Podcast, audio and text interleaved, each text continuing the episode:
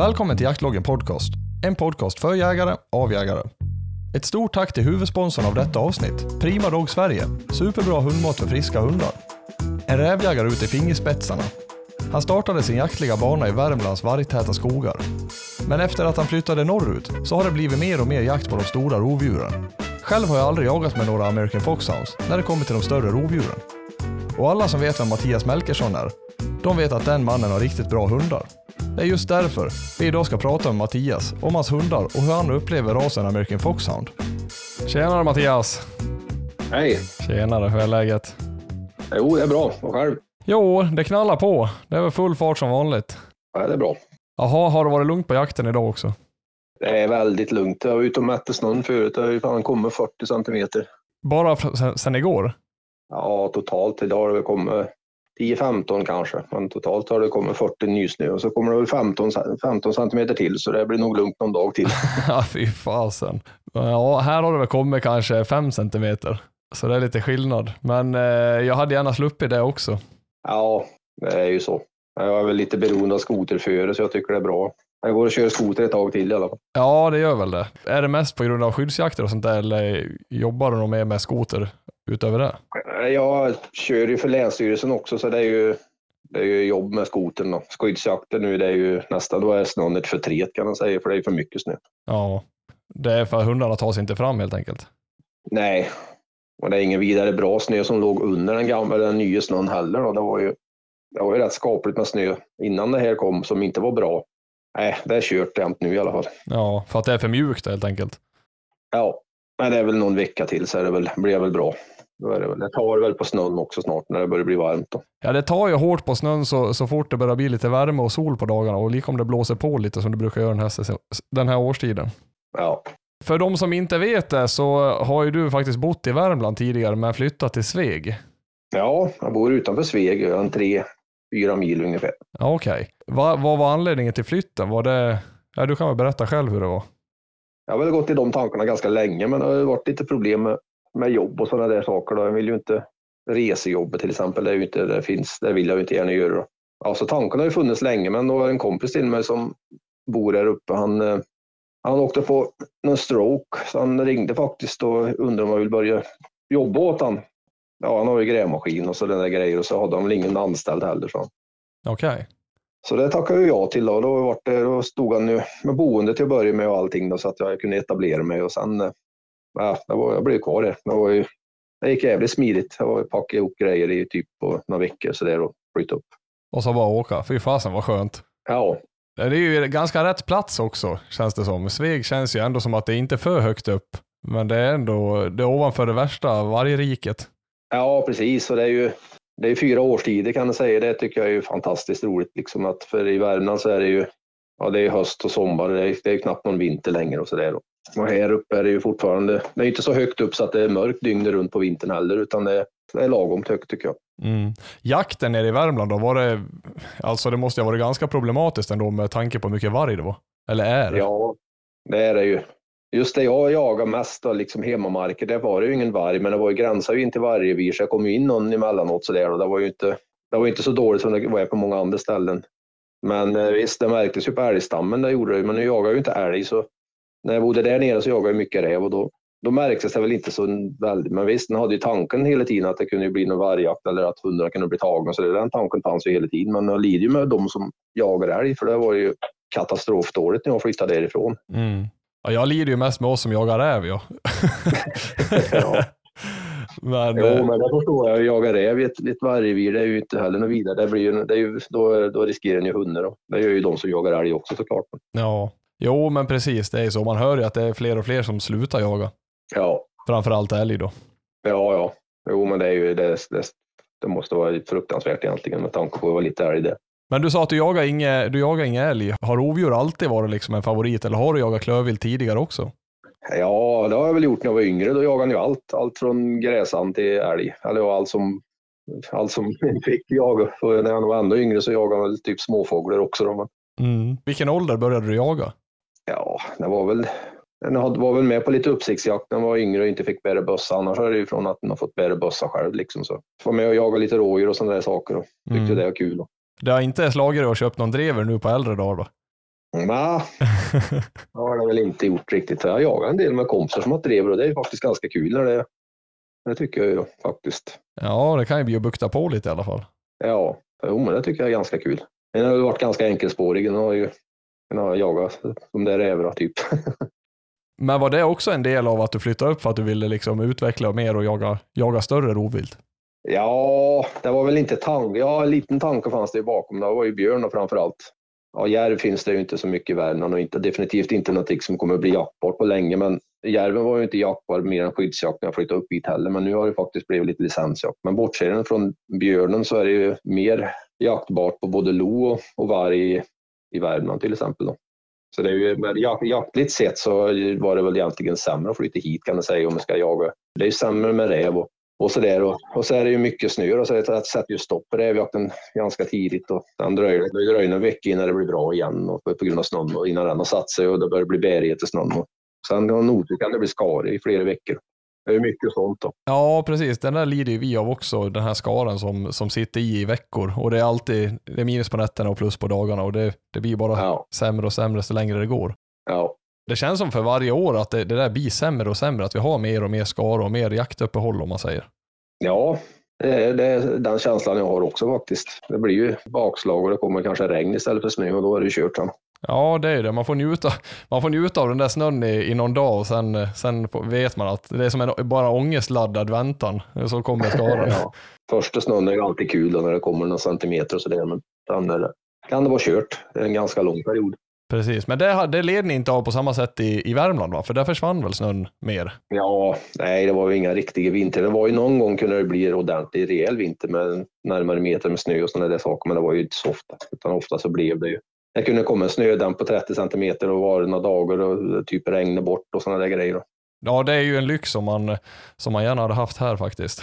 Ja, Det är antingen det eller så ska det vara en riktig vinter. ja, men det blir väl nästan mitt emellan där då, där du bor, så där är det kan, blir det ju i alla fall snö. Det var ju inte alls säkert att det blev det i Värmland när jag bodde där. Nej, precis. Nej, men här blir det ju alltid snö och den, den har ju, man märker att den, den har ju alltid för avsikt att stanna också. Sen, sen är den alltid i fel format också. Ja, Så det är ett jäkla ställe, men, men eh, man lär sig att jaga med det också. ja det är ju det är ju inte mycket att göra åt. Det är ju bara att bita ihop. Ja, det är det eller flytta då. Ja, flytta är ett alternativ. Ja. Vi ska ju prata lite grann om American Foxhound idag. Ja, Men innan, du har ju några hundar. Hur många hundar har du? sju hundar har jag nu. Vad är det för raser? Det är fyra amerikanska foxhounds, en rystövare, en gråhund och en jämthund. Jämthunden är väl ett, ett projekt som jag ska se vad det blir av. Jag fick den där, han är tre år gammal och verkar vara bra drag i han, så vi får se vad det blir. Var det någon som gav bort den eller köpte du loss den eller hur, hur var det där? Nej, jag fick en kompis nere i Värmland som tröttnade på honom helt enkelt. Han, han ville ha en hund som gav sig någon gång och kom tillbaka liksom. Ja, det väl inte du antar jag. Ja, ja ibland vore det skönt såklart. Men... Du har inte tränat någon lydnad på honom eller? Nej, det har jag väl inte gjort. Men han, han, jag släppte honom några gånger i höst där innan snön kom och han, eh, ja, det är ju, han har ju jagat älg. Han har skjutit en del älg för honom också, så det är ju, han jagar. Men grejen är att han jagar allt och han, han kan lika gärna jaga en räv en hel dag utan att byta till älg och han kan lika gärna jaga en älg utan att byta till räv och sådana grejer. Han kan ju stå i ett gryt en hel dag och gräva sönder det fullständigt. Och lite sådana egenskaper som man tycker om. Ja, just det.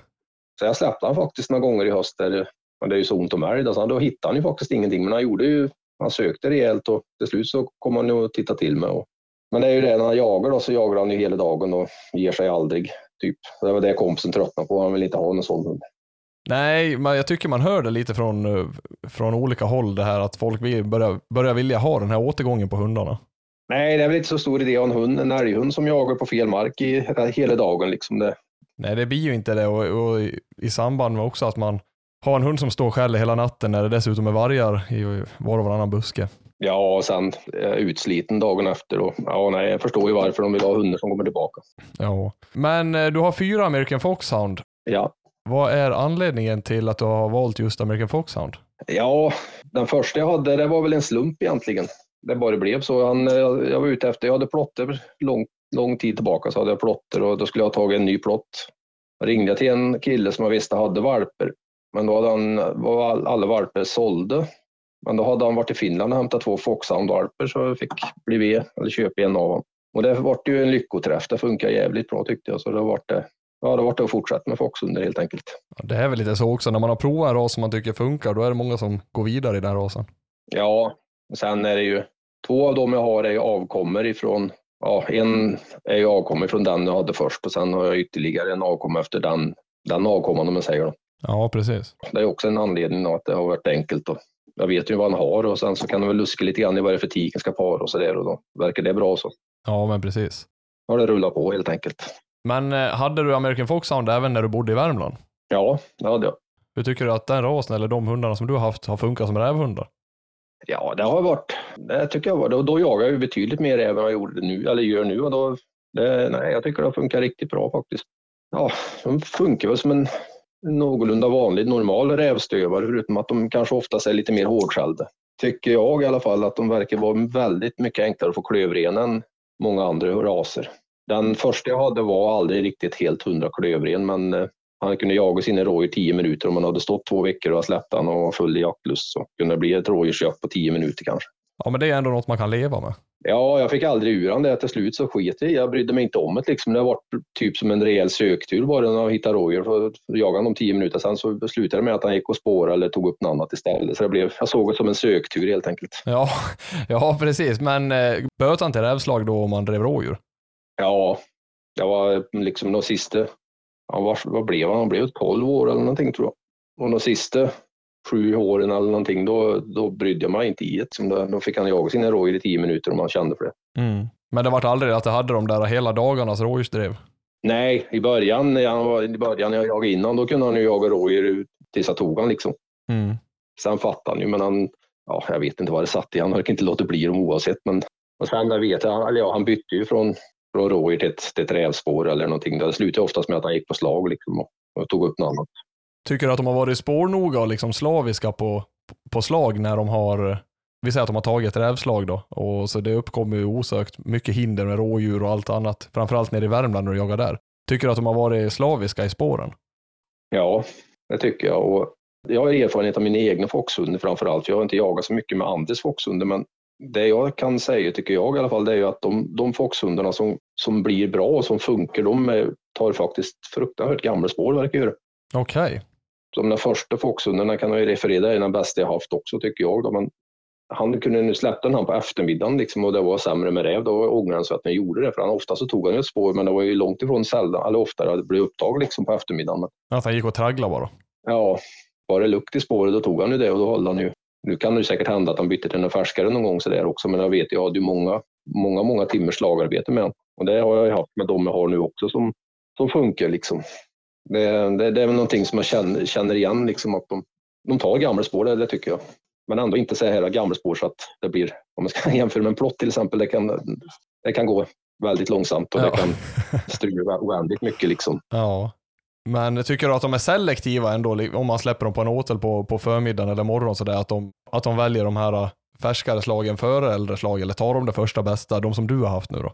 De gångerna jag vet är ju när det är snö, liksom, då kan den ju kontrollera dem när de spårar någonting i början liksom, och tycka ja, fan, det där ser ju gammalt ut. Men sen eh, nästa gång jag kontrollerar dem eller att det blir upptag, liksom, det, då vet den mer eller mindre att de har kanske bytt. Men jag, jag, tror inte, inte vad jag vet i alla fall, att de tar ett gammalt spår och håller det även om de korsar många färska spår. För då, det, det har jag svårt att tro. Liksom.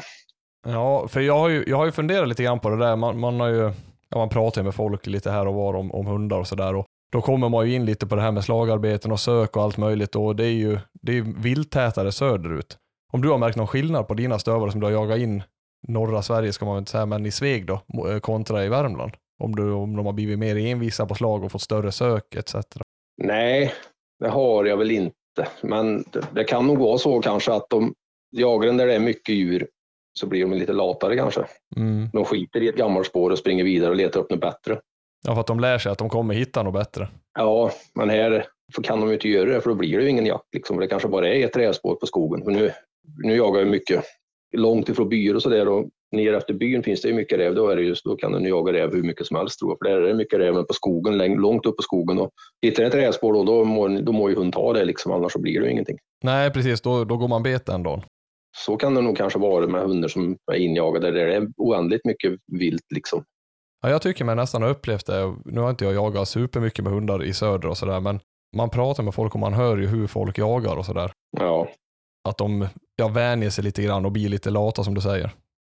Ja, men så kanske det är även om, om det är ett lite, lite sämre lukt i spåren. Man måste ju ta det där och så spåret, sen kanske de får spår fler kilometer och kanske en del hundar ger sig på det där bara för att de, de vet, ja, de är vana att har det inte blivit upptag på två kilometer så kan de skita i det och leta upp något annat. Mm, ja, men precis. Tycker du att dina har varit envisa på slag, alltså hålla fast i slagen istället för att bryta och komma tillbaks då? Ja, bryter tror jag fan inte de gör faktiskt, utan det är oftast en annan som får hämta dem någon gång. Så tror jag nog de flesta bra fungerande rävstövare är också. Ja, jag är helt enig där. Fastnar de i ett spår då, då, då slutar det med att upptaga det, att de blir kopplade.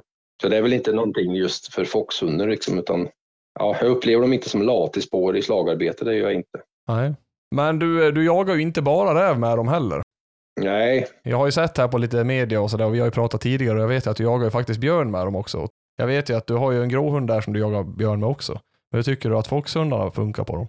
Ja, jag tycker det sitter långt inne innan jag kallar en hund för björnhund. Och de är väl inte björnhundar, men jag tycker faktiskt att det funkar ganska bra. Jag har två som är, som är ja, de kan ju ta någon björn på frisök och så där och så står och då, då skäller ju ståndskall själv. Mm. Så de är väl ganska nära björnhunden, men ändå inte riktigt. Men det är skällande, björnskällande hundar är det, kan man säga.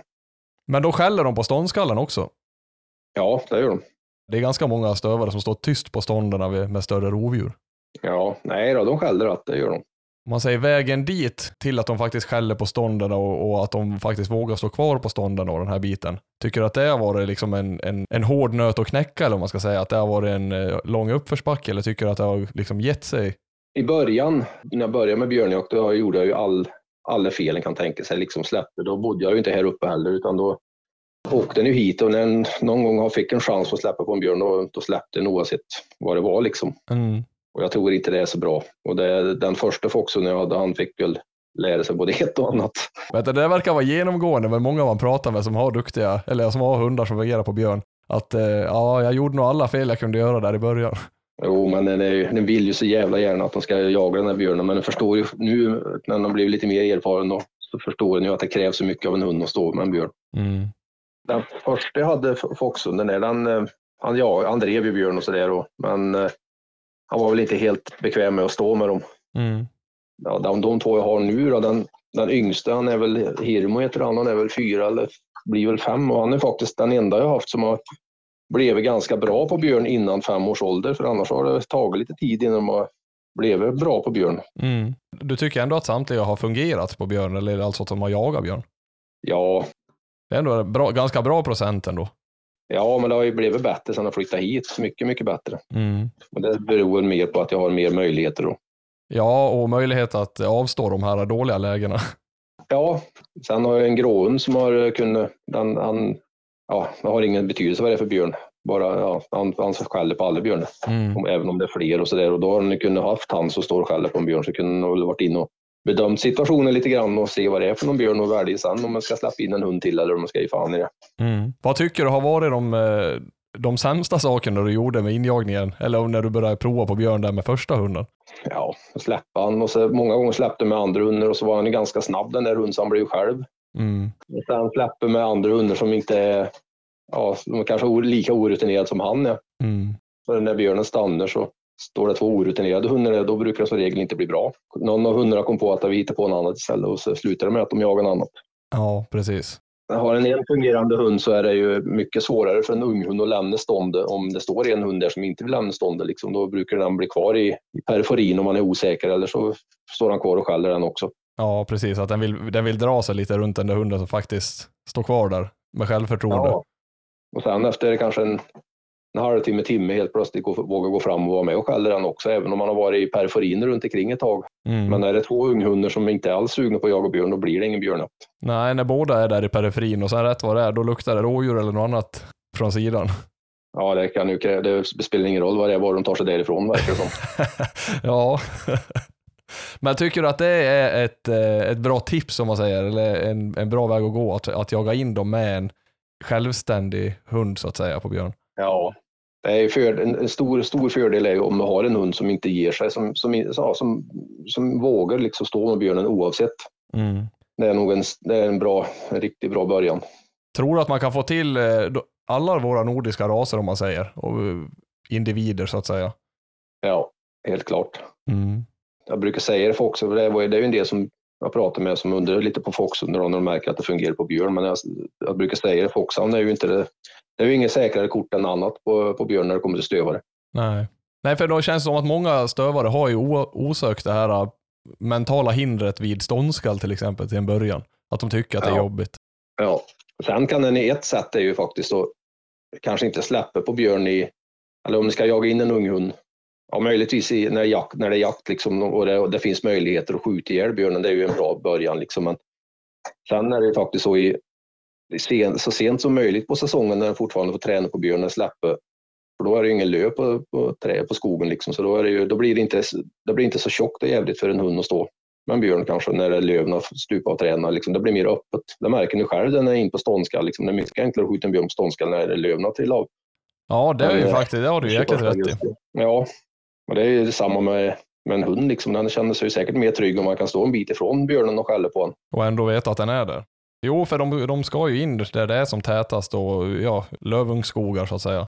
Ja, Det var ju jäkla bra tips det och inte släppa för tidigt. nej. Och sen behöver den ju inte... Visst, det är ju skitkul att få, en, få igång en hund tidigt som bara den är på björn, men min erfarenhet är ju att den, det, har, har du kanske ett riktigt bra björnsläpp på en, hund, på en ung hund på, på hösten så kan den nästan nöja sig med det. För släpper så mycket som möjligt bara för att veta att nu snart är säsongen slut och björnarna går och lägger sig. Nu har jag ingen mer träning så nu måste jag släppa jätteofta. Ja, det, kom, det kommer lite panik. Ja, jag tror den kan försöka tänka på annat istället och sen tänka på nästa höst. Kanske göra något mer riktigt släpp då istället. Mm. Vad tycker du är en lagom ålder att börja, vi säger att göra det här första släppet för säsongen? Ja, inte under två år skulle jag säga. Inte på stövare. Spetsar finns det många som klarar av dem när de är drygt ett år faktiskt. Ja, och där känns det ju inte som att själva ståndskallet är något hinder för dem, utan det är ju mer att det är en björn. Ja, men eh, två år är nästan tidigt det också, men eh, ja, inte under två år i alla fall. Nej. Tycker du att man kan bygga självförtroende till fördel för björnjakten genom att jaga dem hårt på andra vilt? Alltså att man bygger självförtroende av att jaga räv, grävling till exempel. Ja, absolut. Och framförallt ha grävling och ha djur som stannar, som står still. Mm. En grävling till exempel, kan vara, vara, det, det tror jag nästan är bättre än en, än en räv. Men och, fördelen med rävjakt är ju att de får ju lära sig att ta spår och hålla reda på den där räven. Ja, Klarar de att hålla reda på en räv så håller de ju reda på en björn. Ja, bara de vill. Ja, jo, det är det det sitter i. Eh, Tycker du att dina hundar har blivit sämre rävhundar, eller alltså slarvigare eller bekvämare i spår och sådär sen du började jaga björn med dem? I rä- rävjaktssammanhang då? Nej, nej, det tror nej, jag upplever det inte som det faktiskt. Nej. Du håller ju på lite med skyddsjakt på björn också. Ja, Jag, det slog mig, hur, hur liksom går man tillväga en sån gång om det är en hona med unge som är och river soptunnor eller huserar eller går bynära och är otäck för, för, för allmänheten? För det är ju inte jättemånga som vill släppa hundar överhuvudtaget då, på hona med unge då. nej, men eh, jag har, jag har ju den gråhunden jag har och den bryr sig inte om, om sånt. Han, eh, det är han jag använder mest på skyddsjakt. Dels för att ja, han är säker. Han, är det lukt i björnspåret så förväntar jag mig att det blir upptag. Mm. Jag, jag må ju tänka även framåt liksom och få igång några mer hundar som, som funkar. Nu, nu har jag ju två foxhundar som är rätt okej på björn. Mm. Och De har väl skällt honor med ungar någon gång sådär också, men jag brukar inte chansa någonting att ha med någon unghund när det är skyddsjakt, för det är ju inte, då ska han ju avlivas den där björnen. Ja. Så många gånger är det upp till fjälls och det, det är ren, dräktiga vajer och kanske en helikopter som står och väntar och kostar pengar och massa sådana grejer. Då vill en inte komma med två orutinerade hundar och proven. Liksom. Det, kan, det kan jag göra hela hösten sen istället. Mm. Men just när det kommer till skyddsjakt då släpper jag som regel gråhund. Jag har väl haft stövare någon gång ibland, men oftast är det gråhund som får lösa uppgiften. Liksom. Då är det ett arbete och ett, ett jobb som ska utföras. Ja, det har inga, jag brukar säga det har ingenting med jakt att göra, inte för min del. Hund, hund får ju jaga, det, han bryr sig väl inte om, om hur, björnen dör, bara att han dör. Liksom. Men det, det har ingenting med jakt att göra, just skyddsjakten, tycker jag, utan det, det är ren avlivning. Ja, det, är inga, det är liksom ingen jaktupplevelse på det viset. Nej, nej. Men du sa det också att eh, om, om man släpper det på hösten när det, när det är lövtjockt i, i, trä, eh, i träden, Mm. möjligtvis om man ska kunna skjuta björnen då. Tycker du att det är viktigt att, eh, att skjuta björn för, för unghundarna? Ja, det tycker jag är jätteviktigt faktiskt. Jag tror nästan mer på att den ska släppa när det är lov att skjuta än att, än att träna när det kanske när det, när det är fullskjut och jakten är över. Liksom då, jag tror det är viktigt att, att det skjuts för hundarna. Liksom. Mm. En, en ung hund är ju nästan, det, att- som det verkar så är det lite skräckblandad förtjusning för en hund att stå med en björn. blir det då belöning för hunden så tror jag det är, det är, en, det är en riktigt bra start. Liksom. Att man kan trigga det där, att ja, det här var bra. Den kanske går på adrenalin och ungdomligt oförstånd eller man säger och hög jaktlust. Ja, får ni tänka lite grann så om det, om det är ja, typ 25 augusti och du har en björn som någon har sett eller du ska släppa på den där. Då. Och du har kanske en jättebra hund eller två bra hundar och så har du en hund som, som du vill prova som har gjort lite halvbra jobb kanske. Då är nästan, ja, jag tänker lite grann så att det, det vore kul att prova en ung hund. Det värsta som kan hända är att björnen klarar sig liksom. Mm. Istället för att den ska skjuta den där björnen för en hund som du har skjutit jättemycket björn för. Det, då är björnen bort och, och unghunden inte har fått någonting. Liksom. Ja, ja, men precis. Jag får tänka lite så också då. Ja, det där beror ju lite på vart man är, vart man är satt också, eller vart man bor. Eh, och man, vad man har ja. för lägen och sådär per år. Det, det, är ju lite så. Eller om det är ett jaktlag som ringer till exempel och säger att de har en björn. Jag kommer gärna in och prova min unghund här. ja, det var snällt. Det var, var snällt att du kom, men ja. Nej, det, det är också ett litet problem kan vara. Och det, det förstår jag att det är ju klart att där har man ju mer förspänt eller man ska säga när man kommer uppåt i landet där det är där det är mer björn och, och, och även mindre varg då. Ja. Viktigaste egenskaperna hos en björnhund, vad tycker du där? Det är ju modet framför allt och den ska ju vilja jaga björn. Mm. Vill han inte det fullt ut då brukar det inte bli så bra. Grejen är ju att har de inte, har de inte mod, har de mod så vågar de ju, då, då vill de ju jaga björn. Mm. Då, då, har de inga problem med det då, då hittar de ju en björn på gamla spår också. Mm. En hund som inte vill jaga björn jättegärna, den kommer inte leta upp en björn på 12 timmar gamla spår. Nej. Den kommer hitta något annat på vägen. Ja, det är modet helt enkelt. Det är absolut det viktigaste. För då tror jag resten kommer mycket av sig själv. För det är ju inte speciellt svårt att spåra en björn om inte det är jättesvåra förhållanden. Men jag menar, som det, om ett spår är det är ju sällan de är äldre än typ 5-6 timmar om någon har sett en björn eller någonting, liksom mm. någon timmerbilschaufför eller något. De flesta rävhundarna till exempel plockar upp en räv på 5-6 timmar. Det är liksom inga problem då, då ska de ju klara att plocka upp en björn på 5-6 timmar. Ja, de luktar ju, de luktar ju mer i alla fall. Ja, men det är ju det att vill de inte egentligen jaga björn, då blir det inget, då blir det inget bra. Nej, precis, så är det ju. Men det är ju som du säger, det att bara de har det här modet så, så bör det komma. Det låter ju väldigt logiskt eftersom att det är det djuret som borde lukta mest i våra skogar. Ja, och det är nog det mest lättjagade djuret vi har i våra skogar också. Ja. det är lättare att skjuta en björn på ståndskall än att skjuta en älg. Ja, och än att skjuta en drevräv i allra högsta grad. Ja, men det är ju det, är det svåraste vi jagar, det är ju räven. Ja, det är ju det. Återigen till den här skyddsjakten då. Tycker du att det är större del hanar eller honor som, som orsakar problem om man säger runt, runt renar? Det är väl 50-50 upplever jag det som. Okej. Okay. Finns inget mönster i det att det är mer eller mindre hanar eller honor? Nej, det är väl kanske något lite mer haner. Men det, honor har ju som regel ungar. Men ja, ja, det, är, ja, det kanske är något lite mer haner, men det är inte mycket i så fall. Nej.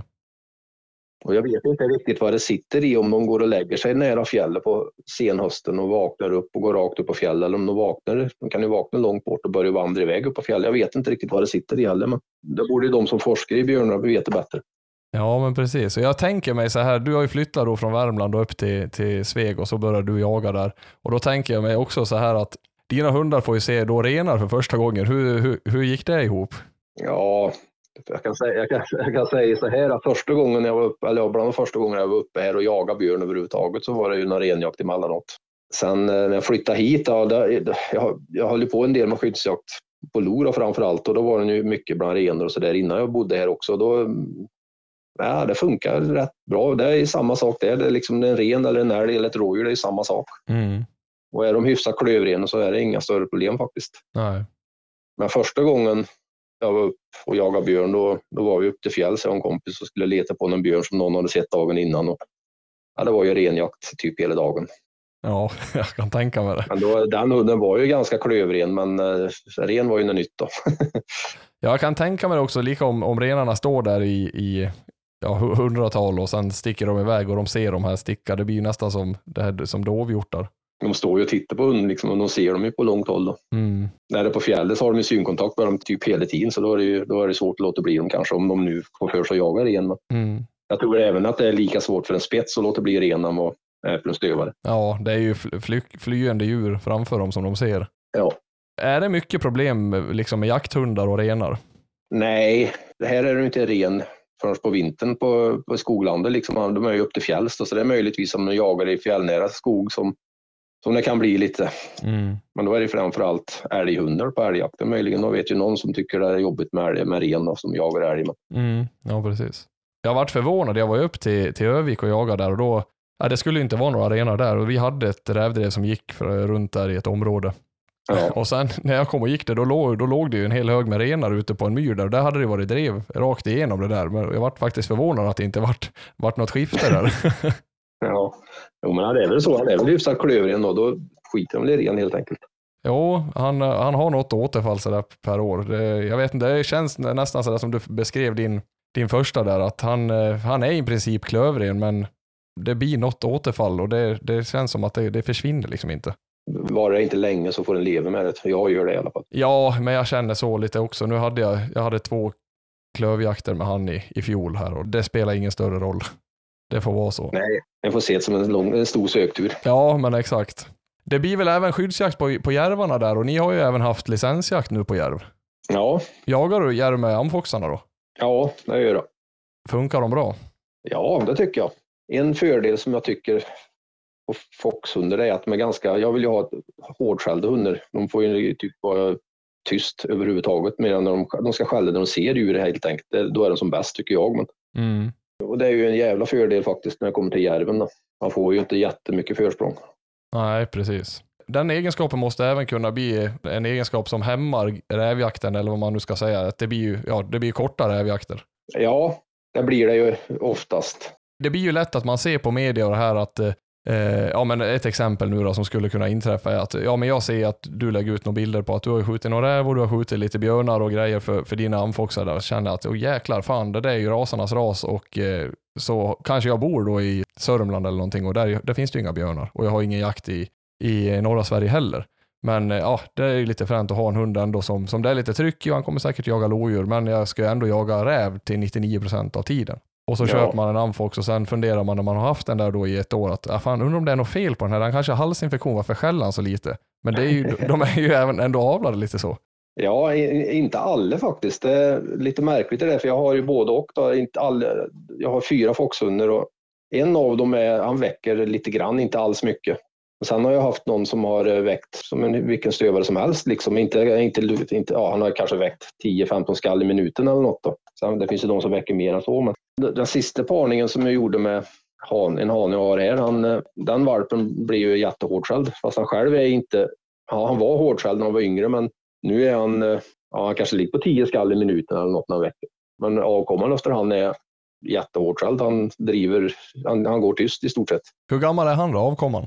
Han, blir, han är nyss fyllt två år tror jag, eller man blir två år. Då kan det fortfarande komma lite växtskall om något år.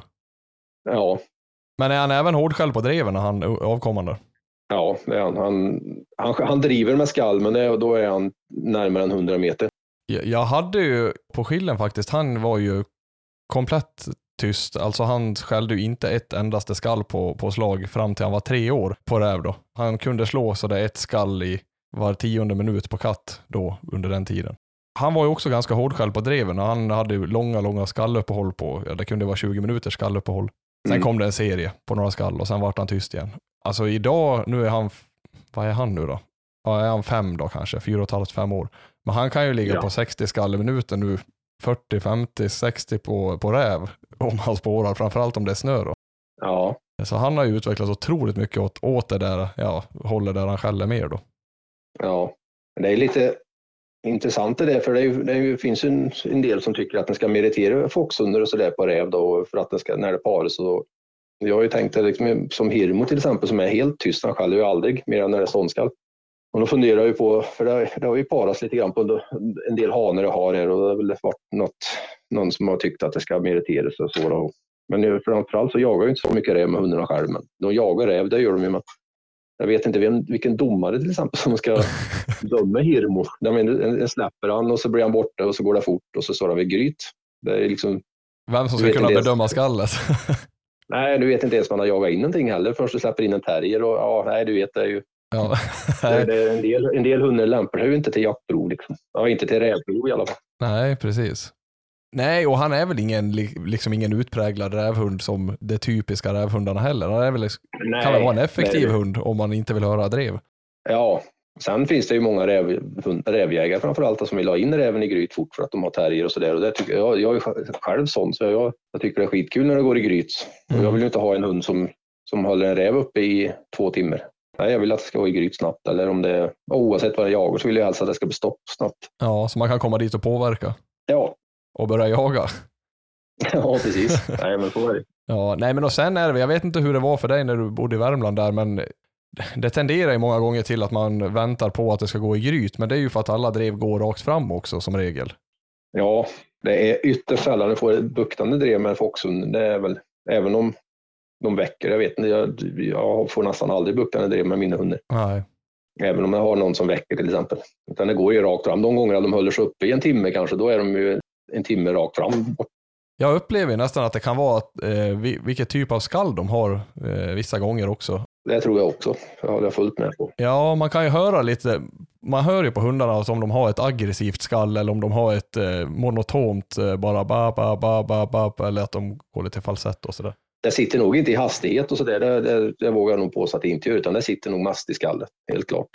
Jag tror ljudet på skallet har, hur, hur det låter och hur det ny- nyanserar, att det har en stark påverkan. För jag märker ju, Ja. jag menar skillen där, även fast han väcker mycket nu och han skäller mycket på dreven, det, det buktar ju ändå ingenting för han. Nej, men det ska det ju egentligen göra på skiller. För det är ju, jag vet ju en kompis till mig har ju skiller och han får ju se sådana fantastiska rävdrev som håller sig på typ två hektar i en timme och sådär.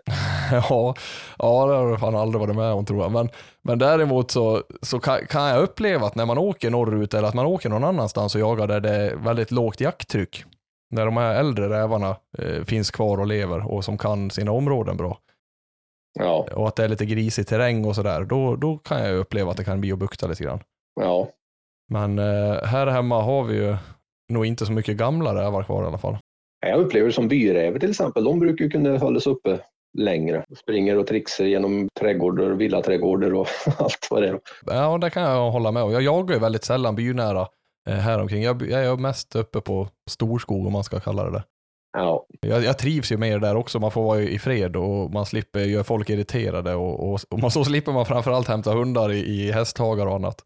Ja så trafikerade vägar och allt vad det är. Mycket roligare att jaga på skogen. Ja, det är det. Även om jakterna inte alltid är lika tillfredsställande som med det här med buktandet och så. Men eh, det går ju istället i gryt då. Mm. Men du, föret då för eh, alltså snömängd och annat för när vi är inne på järvarna där. Och vad är det optimala föret för, för järvjakten? Barmark tycker jag om då. Det är ju, då är det kul. Annars så ska det ju vara kallsnö, typ 20 centimeter eller något. Så att, eller kanske till och med 30. Det, det ska inte vara så gott hämmer hundarna någonting, men det, det får gärna hämma järven lite grann. Men barmark är ju, är ju ganska, då brukar jag ju kunna använda grån ibland, för han är också ganska duktig på dem. Okej, men funkar det med, jag tänker många gråhundar är ju inte supersnabba. Nej, men eh, det är ju, det är ju upptaget som gäller. Liksom. Mm. Det har han inte fått dem i trä i upptaget, då blir det som regel ingenting heller. Är han hård i upptaget? Ja, han är ju faktiskt det. Ja. Han, eh, nej, han har funkar ganska bra på järv också. Men det är ju som sagt det är helt värdelöst om järven, om, om, man, om järven inte träer utan väljer att springa då, då är det inte stor idé att använda en grån. Det där är lite intressant det där som du säger med om de är hårda i upptaget, alltså heta i upptaget om man ska kalla det så. För när man Ja. pratar älghundar, eh, annars så vill man ju många gånger ha det här lugna upptaget, men det blir egentligen helt tvärtom om man ska jaga rovdjur med dem. Ja, just med gråen det var lite intressant för i början när han eh, inte var så gammal, han började ju jaga björn redan vid ett års ålder. Ja, han var tidig, han har alltid velat jaga björn. Det, det, spelar ingen roll vad det var för björn, jag tänkte liksom små björnar de springer ju. De, eh, de springer hela dagen om så är. Och de stora björnar tycker den liksom, de ska, det blir ju ståndskall och gångstånd och sådär, men de sprang ju lika väl som om de vore små björnar i början för honom. Så jag vet inte, han gjorde något fel. Och I början så jagade jag faktiskt lite älg med honom också på grund av att han skulle få jaga. Det var ju aldrig ståndskall på en älg för de, de sprang ju för livet ur sig. Jag tror det har varit samma sak typ på björn också, jag vet inte, men även stora björnar de sprang ju liksom. Men när han blev lite äldre sen då, då började han faktiskt, eller stopp, björnen väljer ju själv när han ska stanna såklart, men då var det även ståndskall på mindre björnar. Okej. Och det, det som är kul att använda han på björn är ju att nästan alltid så är det ståndskall i upptaget. Ja jäklar, då har han verkligen lärt sig hur man ska göra. Ja, jag tror det. Jag vet inte vad han, gör, vad, han gjorde för fel eller vad han gör rätt nu, men han har blivit väldigt mycket bättre i alla fall. Tror du att han har blivit lugnare i upptaget? Jag tror det. Ja. Och när vi ändå är inne på den här gråhunden och björnarna, eh, när vi har gått tillbaka dit, så jag, det slog mig också här när du sa det att eh, ja, men injagningen av stövarna, att det är ju alltid en fördel att ha en, eh, en hund som man kan lita på med björnarna. Ja. Men jag pratade med en annan kille här som hade väl i princip samma uppsättning hundar kan man väl säga. Han hade en, en spets som, som funkar bra på björn och sen hade han en stövare som, som drev björn, men den vågade inte stå själv med björnarna. Problemet som han hade då, det var ju att eh, ja, om han släppte på då på, på ett ståndskall till exempel, släppte han på stövan och så vart det ju drev, det gick loss. Och, och då drev ju stövan ifrån den här uh, gråhunden med råge. Och sen vart det ju stopp några kilometer bort och då vågade han inte stå kvar där, så sprang han ju tillbaka till den här gråhunden.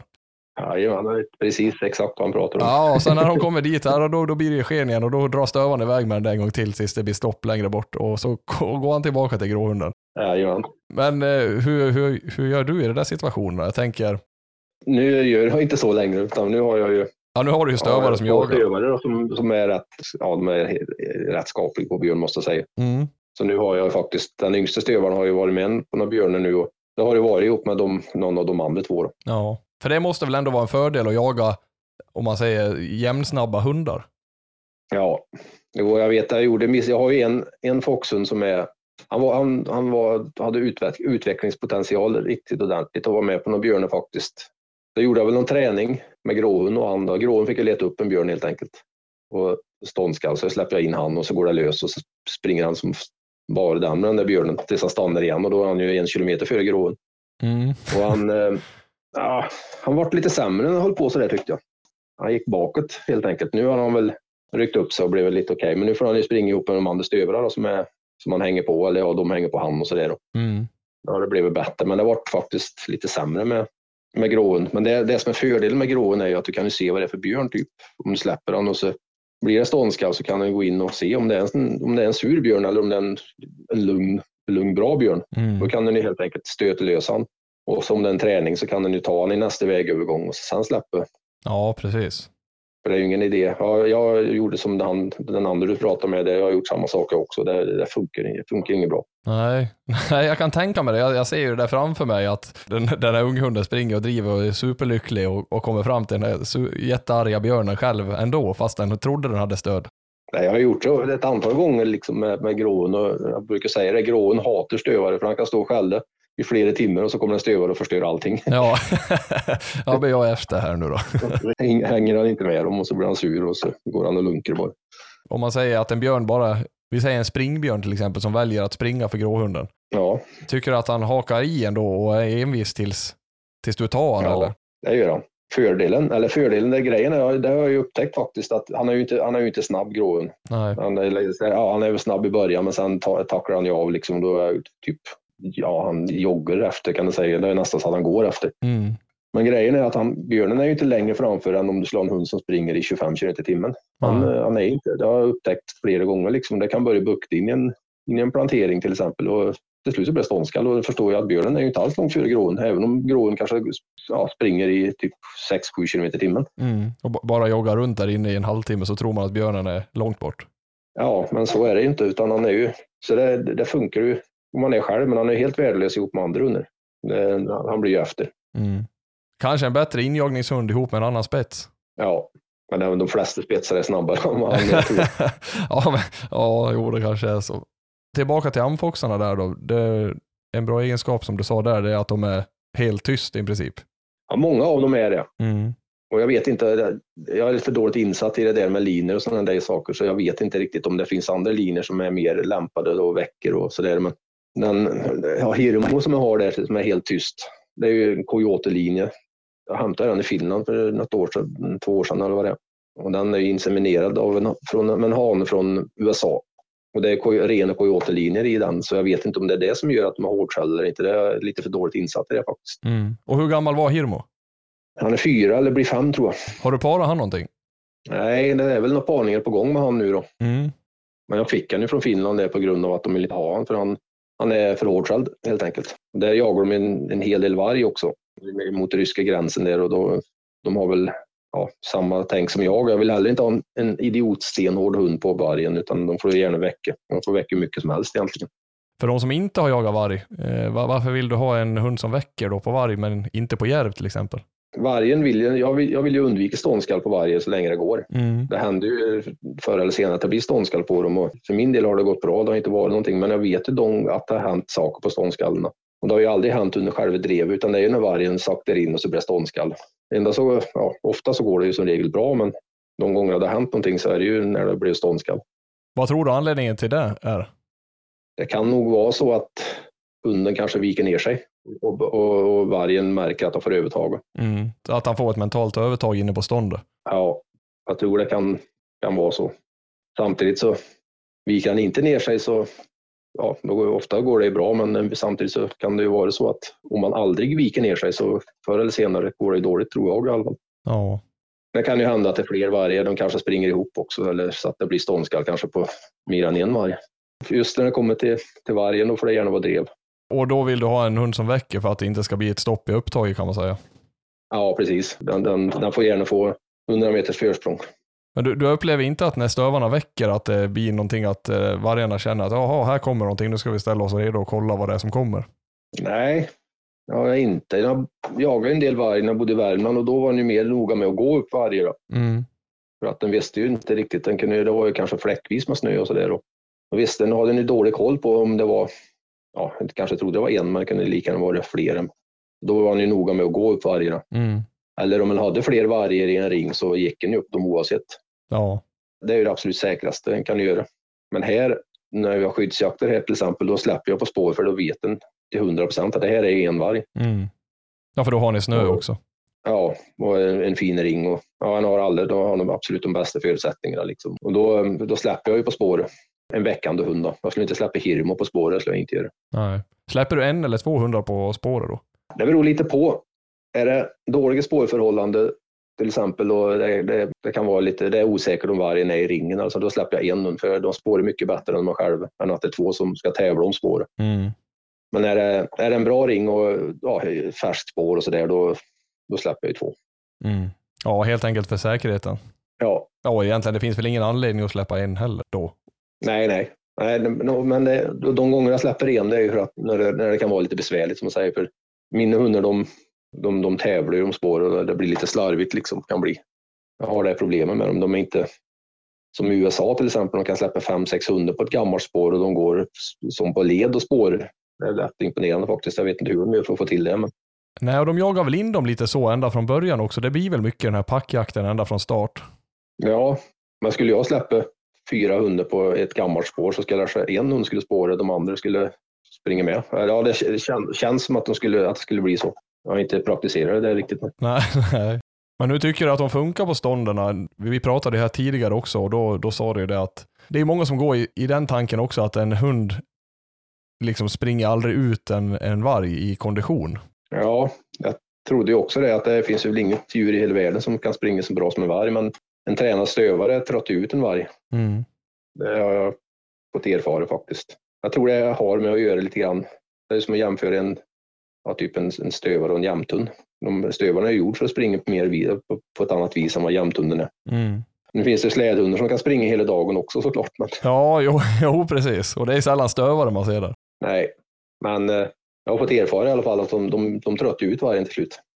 Och ståndskallen på vargen, de blir ju ofta i, också i den här täta biotopen. Ja, det, ja, det blir aldrig så tätt som när en björn till exempel. Det upplever som att björnen letar upp det värsta stället man kan hitta och så där inne parkerar han. Men vargen, den, det brukar som regel bli att när hundarna kommer i kappan så är det som regel gångstånd ett tag kanske. Till slut så inser vargen att nej, jag, ja, jag får stanna här. Och sen, ja, det är typ en plantering eller Nej, jag, jag vet inte. Han tror inte. han- Jag tror inte en varg tänker riktigt på samma vis som, en, som många andra djur som blir jagade. Jag tror de blir ganska nollställda i huvudet faktiskt. De springer bara. Ja. ja, de är ju inte vana att bli jagade. Det är i och för sig inte en björn heller. Då, men... Det är lättare att skjuta en varg på drev än att skjuta en räv på drev till exempel. Och det är för att vargen verkar inte se någonting och inte höra någonting heller. Den, springer, den får ju tunnelseende och springer rakt fram verkar det som. Ja. Tycker du att du eh, märker stor skillnad på, på stövarna överlag om man, om man kollar i norr kontra söder? Alltså egenskapsmässigt. Älgjakt ska jag inte yttra mig om, men stövare finns det. Det finns bättre hundar söderut. Jag tror att det kan sitta mycket i att de har mer jakt där. Mm. Det är längre jaktsäsong på räv exempelvis.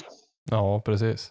Sen finns det ju kanske mer hundar längre söderut som jagar räv och sådär än vad det gör här. Jag menar här uppe är ju inte rävjakten jättestor inte. Nej, det har man ju märkt när man har varit uppe över. Då, då hör man ju ofta, ja men kom hit och jaga. Här har ingen jagat sedan 70-talet.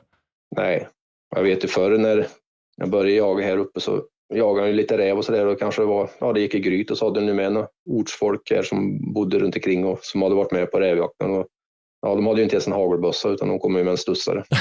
då, då, är inte, då är inte rävjakten speciellt intressant. Nej, då är inte den prio ett i alla fall. Nej.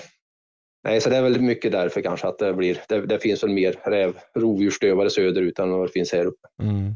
Lodjursjakten borde kunna vara rätt så krånglig spårmässigt eh, i de där trakterna. Nu, nu syftar jag framförallt på ja, egentligen både skyddsjakt och licensjakt. Men jag tänker det här eh, gångerna när det är jättemycket ren. Eh, jag kan ju bara se framför mig hur mycket spår det blir som går över de här lodjursspåren. Jag tänker att spårningarna borde kunna bli rätt så krångliga när det är så mycket renar. Ja, det är nästan omöjligt. Men oftast så är ju lon in och tar ren någonstans. Mm i renflocken, eller ja, i området där det är ren. Sen går de och lägger sina, sina berg någonstans i närheten. Mm. Det, är, det, är ju, det är i princip omöjligt om det är alldeles för mycket ren. Liksom. Då får ni vänta till den får ett bättre läge. Det då, då, då, är det som barmark. Mm, precis. Men lika omöjligt liksom. Annars är det väl snödjupet som är stället till det största problemet här på lodjursjakten. Eller skare såklart. Då. Men då är det skare så det bär hundarna och det kommer lite nysnö, då är det ju fantastiskt. Men Oftast är det ju för mycket snö så att det inte bär hundarna och det bär katten. Ja, det är nästan omöjligt då ibland. Och då spelar det ingen roll vad du har för hund om inte hund tar sig. Liksom då. Det spelar ingen roll om du har världens hårdträldaste hund eller den lösaste, det blir ingenting ändå. När vi ändå är inne på lodjursjakten, trämarkerar de eh, dina stövare? Ja, de markerar trä kan jag säga. De står ju inte och skäller som en finspets typ eller en, en, eller en plott till exempel som också är duktig på att skälla trä. Men de skäller ju gör de tillräckligt men de står ju inte och tokskäller men de är ju där jag har träa typ tre kilometer bort och så där och då får den ju gå och då, då står de ju där. Så det, det, det, det är tillräckligt bra för min del i alla fall. Men de, de står kvar och visar träd och så där i alla fall?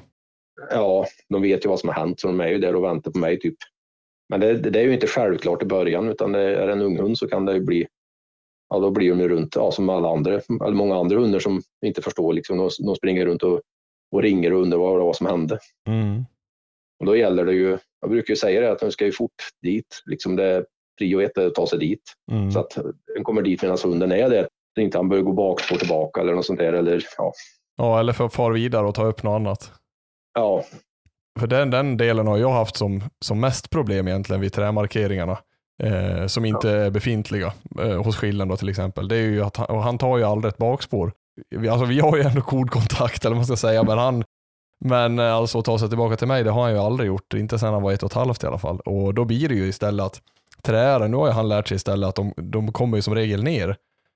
Eh, ja. Eh, och det har jag ju lärt mig att de går ju ner ganska fort när, hundra, när stövan går. Eh, det är ju fåtal tillfällen som man kommer dit och, och, den där katten faktiskt sitter kvar där. Annars så kommer ju stövan tillbaka, han kan göra ett, en ring runt ett berg liksom och sen kommer han tillbaka dit och då är, blir det drev igen. Ja, det, det är problemet har den väl inte, jo det, ja, någon gång kanske, men ja, inte just på katt. Men de brukar som regel, de hundar som inte fattar, då, som unghund till exempel, och den, de blir ju kvar och ringer och ringer och så ringer han jättelänge tills jag kommer dit och då får den ju hjälpa honom liksom och, och till slut alltså, går det upp ett ljus för honom vad det var som har hänt. Ja, precis. Det är ju bättre och det är ju också framförallt enklare att lära dem då. Men jag har ju ja. haft eh, turen, eller oturen ska man väl säga, det har ju blivit sådär någon gång när en katt har grytat i en grotta till exempel och gått ut på ovansidan av, eller i överkant på berget. Och då har man ju haft turen att, att han har hittat på den när han har ringat det berget. Men å andra ja. sidan så har han även lärt sig att ja, jag lämnar den här platsen och sen, sen kommer jag hitta på den. Lite för smart helt enkelt. Ja, han är smart, det, det kan jag nog inte beskylla honom för. Men, men däremot så, så, så fick han väl en belöning för någonting han gjorde i väldigt ung ålder och det där har ju verkligen sätta fast i han. Men grytare ja. idag så då står han ju kvar där. Men det där tränaren verkar ju fortfarande ha, ha trott att han ska börja ringa allting. Ja, det är lite intressant när jag jagar järv faktiskt. De kan ju gå ner även om hund står under träd. De kan ju, de kan ju klättra ner även om en själv står i trä. Ja. Varit med om att de har träat och så sen, ja de är ju där och så går det fem minuter någonting så är det bara fullt drev där igen. Och då har järven bestämt sig för att klättra ner. Då kanske han sitter i en dålig tall eller någonting. Och, så de är ju lite speciella. Om man jämför björn och, järv, vilka tycker du är om man säger jobbigast eller svårast för hundarna? Björnen är ju värst. Ehm, den, den, den är nog värst för hundarna att jaga. Sen kommer järven tror jag. Det är många, många som, ja, framförallt älghundar och sådär på älgjakten som trär järver på löpande band. Men en riktig, en, en rejäl järvhane, den tar ju ofta emot på backen liksom och då får hundarna hålla avstånd, annars blir de ju bitna. Och så en, en, en rejäl järvhane, den är, den är strax efter björnen, skulle jag säga. Den är ju värre än en lo. Normallodjuret känns ju inte som att det har för avsikt att flyga på hundarna och, och liksom spöa dem, utan så länge de håller sig utanför den här comfortzonen så, så får de inte stryk. Nej, Jag, nu har jag ingen erfarenhet av järvar, men det är bara vad man, man bara man ser en järv så ser man ju på dem att de, de, det lyser ju, att de är, de är ju elaka, det ser man ju. De är ju fan Ja. onda. Ja, sen finns det ju de som är lätt, mer lättjagade. Då. Ofta yngre järver till exempel. Då. Men det, det hör ju med folk som jagar mycket älg och så där. De har ju, ja det är ståndskalle i trä på, på järv var och varannan dag liksom. Men har ni så pass mycket järv i, i era trakter? ja, det är ganska bra med järv faktiskt. Men upplever ni att de, eh, jag menar det vanliga man har hört är att de, ja, men de sover på dagarna, jagar på nätterna som alla andra rovdjur. Men eh, jag upplever nästan att järvarna rör sig dygnet runt. Ja, det tycker jag också att de gör faktiskt. De, de har ett väldigt behov av att röra sig. De springer, de rör sig på väldigt stora ytor, så många gånger så är det ju samma järvspår den får. För Att samla mycket DNA och så där åt Länsstyrelsen. Och nu kan jag åka, nu kan jag hitta ett järvspår så följer den det och så hittar den DNA och så. Sen kan den åka en 5, 6, 7 kilometer bort liksom, och så kommer det ett järvspår ifrån andra hållet och så tror den att ja, en ny järv. Men sen visar det sig på DNA att det är samma. Och många gånger spårar de dem ganska långt innan de får DNA. Och det, en ser ju liksom, även om det är sån snö, så ser jag att det går tungt åt järven, men nog lika, ja de springer ju en och en halv mil i den där tunga snön liksom. Och, Inte lika bekväma som en varg eller ett lodjur. nej, de, de, de rör sig ständigt tror jag. Ja, det känns som det. Liksom, man tänker också, vad är, vad är tanken med att, att springa en mil i, i tungrodd snö? ja, jag vet inte. Det är, det är som att jämföra lite grann med, med en mård där det är lite mer mårder som är mycket nära bebyggelse. De har ju inte samma stora område som en, en, en mård i, på storskogen om man säger. Men spåren en mård, den kan ju också fara väldigt långt med tanke på att den inte är så stor. Då. Jagar du mård också med hundarna? Ja, det gör jag, men inte... Ja, någon gång har det väl blivit riktad mårdjakt när jag inte haft något annat. Liksom, om jag har varit ute och, på, på nysnön så har jag hittat mårdspår, det enda jag hittar. Då kan det vara lite roligt om det är bra förutsättningar. Många gånger så, om, det är dag, om målet är dagliga i trä till exempel, och han har legat där i flera timmar, då blir det ju inte, då står de ju inte där och skäller på mården, utan då, då blir det nästan svårare om man har en hund har märkt, för de trampar ju sönder allt av spårhet. Jag hade, som i vintras här, då hade jag mården på 50 gånger 50 meter i ett träd någonstans, men det var ju så mycket hundspår runt omkring så jag, det, jag, jag hittade inte på. Nej. Och Den hade jag ju fått om jag inte hade haft en hund med till exempel. Ja, det där, det där är skitsvårt. Är det. Stövarna är väl, ja det finns ju de stövare som är riktigt, riktigt bra på mål. Jag har själv haft någon och sådär, men de, de duggar inte så tätt. Nej. Jag vet att du jagar väldigt mycket räv och grävling när du bodde i Värmland. Men jag hör ju här mellan Ja. raderna att du, att du jagar mindre räv och grävling nu. Ja, det blir inte alls som det var då inte. Det blir väldigt mycket mindre. Är det åldern eller är det på grund av att eh, du jagar mer större rovdjur? Det blir mer större rovdjur faktiskt. Jag jagar björn tills det är fullskjutet. I, ja, det är indelat i flera områden i Jämtland och i norra Jämtland så är det ju, pågår det ju ganska långt fram på hösten. Sen är det älgjägare också då, som de vill inte störa sig med. Nu finns det ju områden där det kan vara jaga lite räv. Jag brukar jaga en del räv med ungstövaren och så där så han ska få lära sig att ta spår och, och framförallt hålla reda på en räv. Sen kommer ju snön och då det, kan det ju vara ja, då är det lite skyddsjakter. Som nu i vinter till exempel, då var det ju mycket. Det var licensjakt på järv och så var det ju skyddsjakt på järv. och- Så då, var det ju, då gick det i sånt hela tiden. Då blir det ganska mycket järvjakt ändå. Ja, då blev det nu i alla fall. De hade ju, det var ju första året med riktig, riktig licensjakt. De provade ju för något år tillbaka med licensjakt, men då var det ju så dumma regler. De hade fått till det så att då var det väl, då sköts ingen järv i hela Jämtland faktiskt. Då fick en ju inte leta spår med motorfordon och man var tvungen att skida efter och ringa och hålla på. Det var, ja, det var ingen som överhuvudtaget försökte. Sen var det ju väldigt mycket snö också så det var en- omöjligt i princip.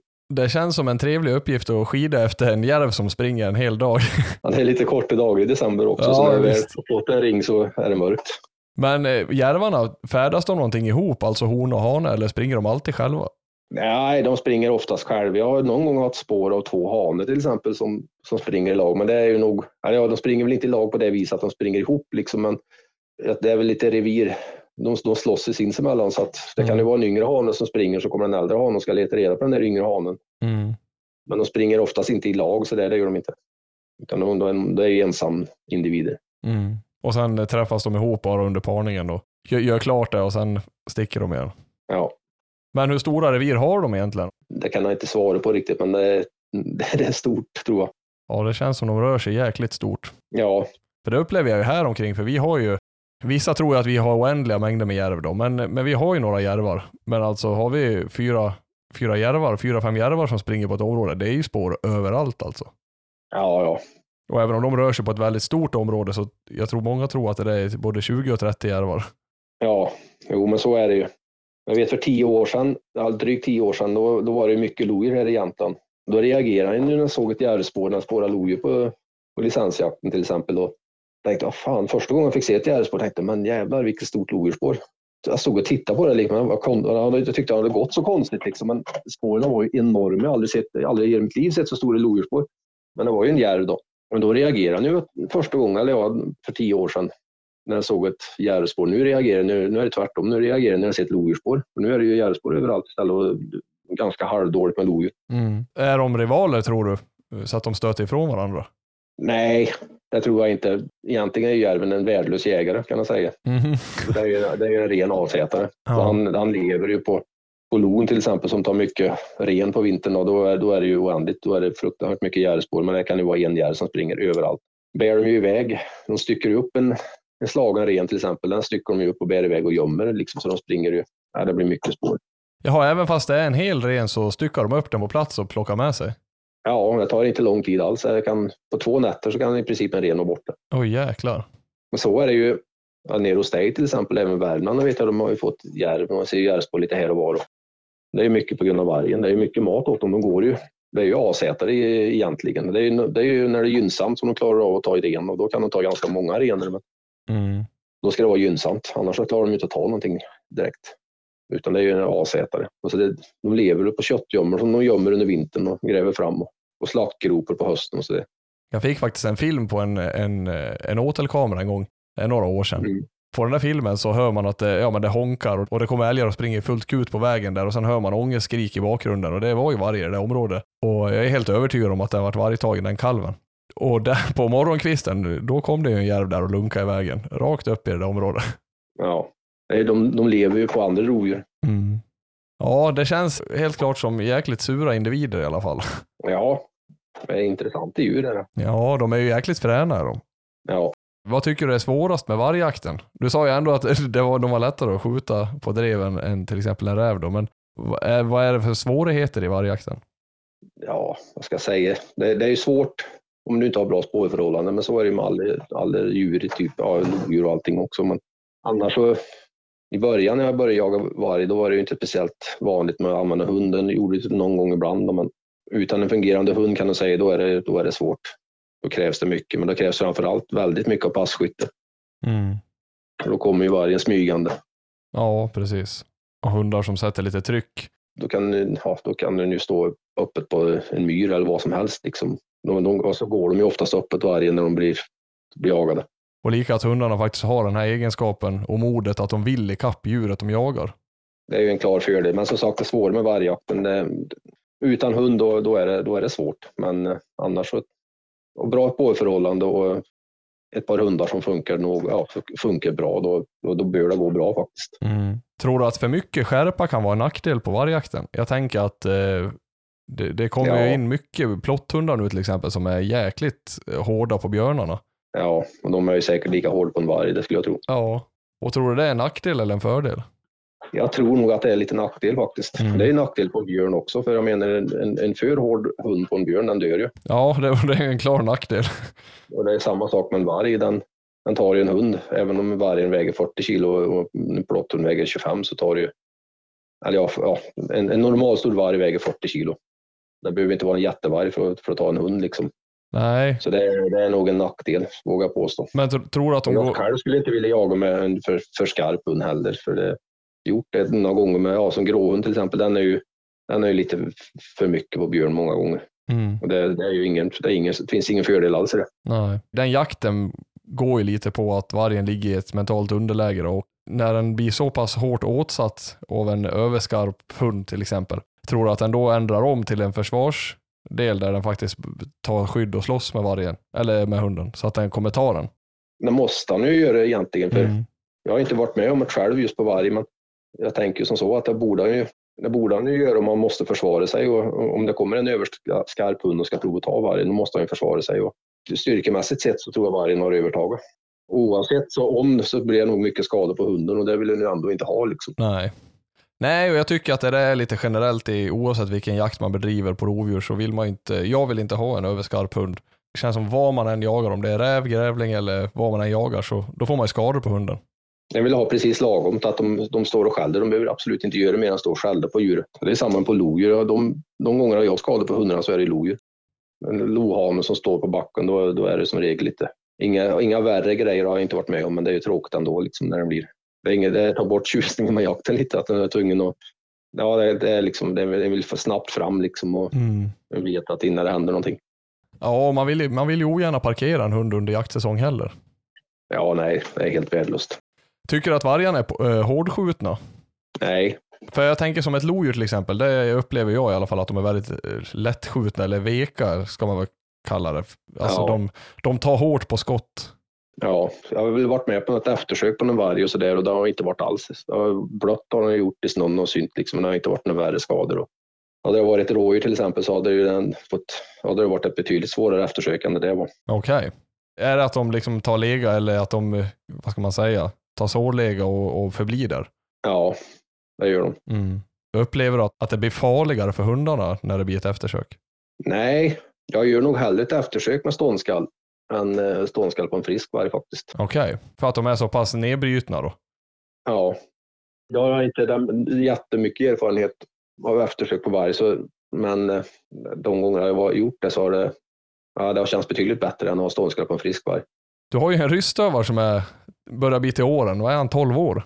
Ja, han är 12 år, men han är, han är pigg och frisk faktiskt. Han, eh, han är väl inte i sina fornstora dagar såklart, men han, är han, han jagar och, och hänger i. Det gör han. Mm. Kommer du köpa någon mer rystövare? Ja, jag hoppas det. Jag tycker om den här rasen faktiskt. Jag har två stycken och jag har varit väldigt, väldigt nöjd med bägge två. Ja. Och då har den här äldre, det borde vara Vargas va?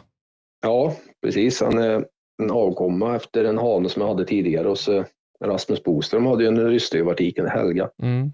Men han, är, han har aldrig varit någon jätteförtjust i björn inte. Eh, Vargas? Ja, Nej. han jagar björn och sådär, men han står alldeles för långt bort när det blir ståndskap. Men står han kvar på stånd då? Ja, men han kan ju stå typ 30 meter bort och skälla ut. Han, bara stå, han står väl och hoar mest och han vet ju att björnen är ungefär, men det är ju både farligt och svårt att skjuta björn på ståndskall Men eh, är det en ras som går framåt eller är det, nu ska vi inte prata allt för mycket om ryssarna, men du, du har ju ändå en och den, den har du ju varit jäkligt nöjd med. Ja, jag har två stycken som sagt och de har varit jättenöjd med och jag har jättedålig koll på alla andras ryssstövare. Mm. Det är en lämplig ras att ha här uppe för de är, det är bra päls på dem och bra tasser. Ja, den där pälsen är ju lite intressant. De har lite tjockare päls va? Ja. Ser du det som en fördel? Ja, det gör de. Foxhundar har ju inte mycket till vinterpäls kan du säga. De. Nej. Det är ju lite intressant det där, för det, det, är ju lite olika hur folk ser på det där med pälsen. Att, ja, men den här släta pälsen som ja, det, även jag har på skillen och som du har på amfoxarna, den drar inte åt sig de här snöklumparna. Tycker du att det varit något problem på, på ryssarna? Att det blir liksom det här klumpiga och hängande i... Nej, de har väl samma problem som alla andra stövare och alla som har pejl, typ att det, det klumpar sig runt halsen på den pejlen. Det är det enda, men det, jag har inte problem med att det, det fryser emellan trampdyner eller på buken på dem eller sånt där. Det har jag inte.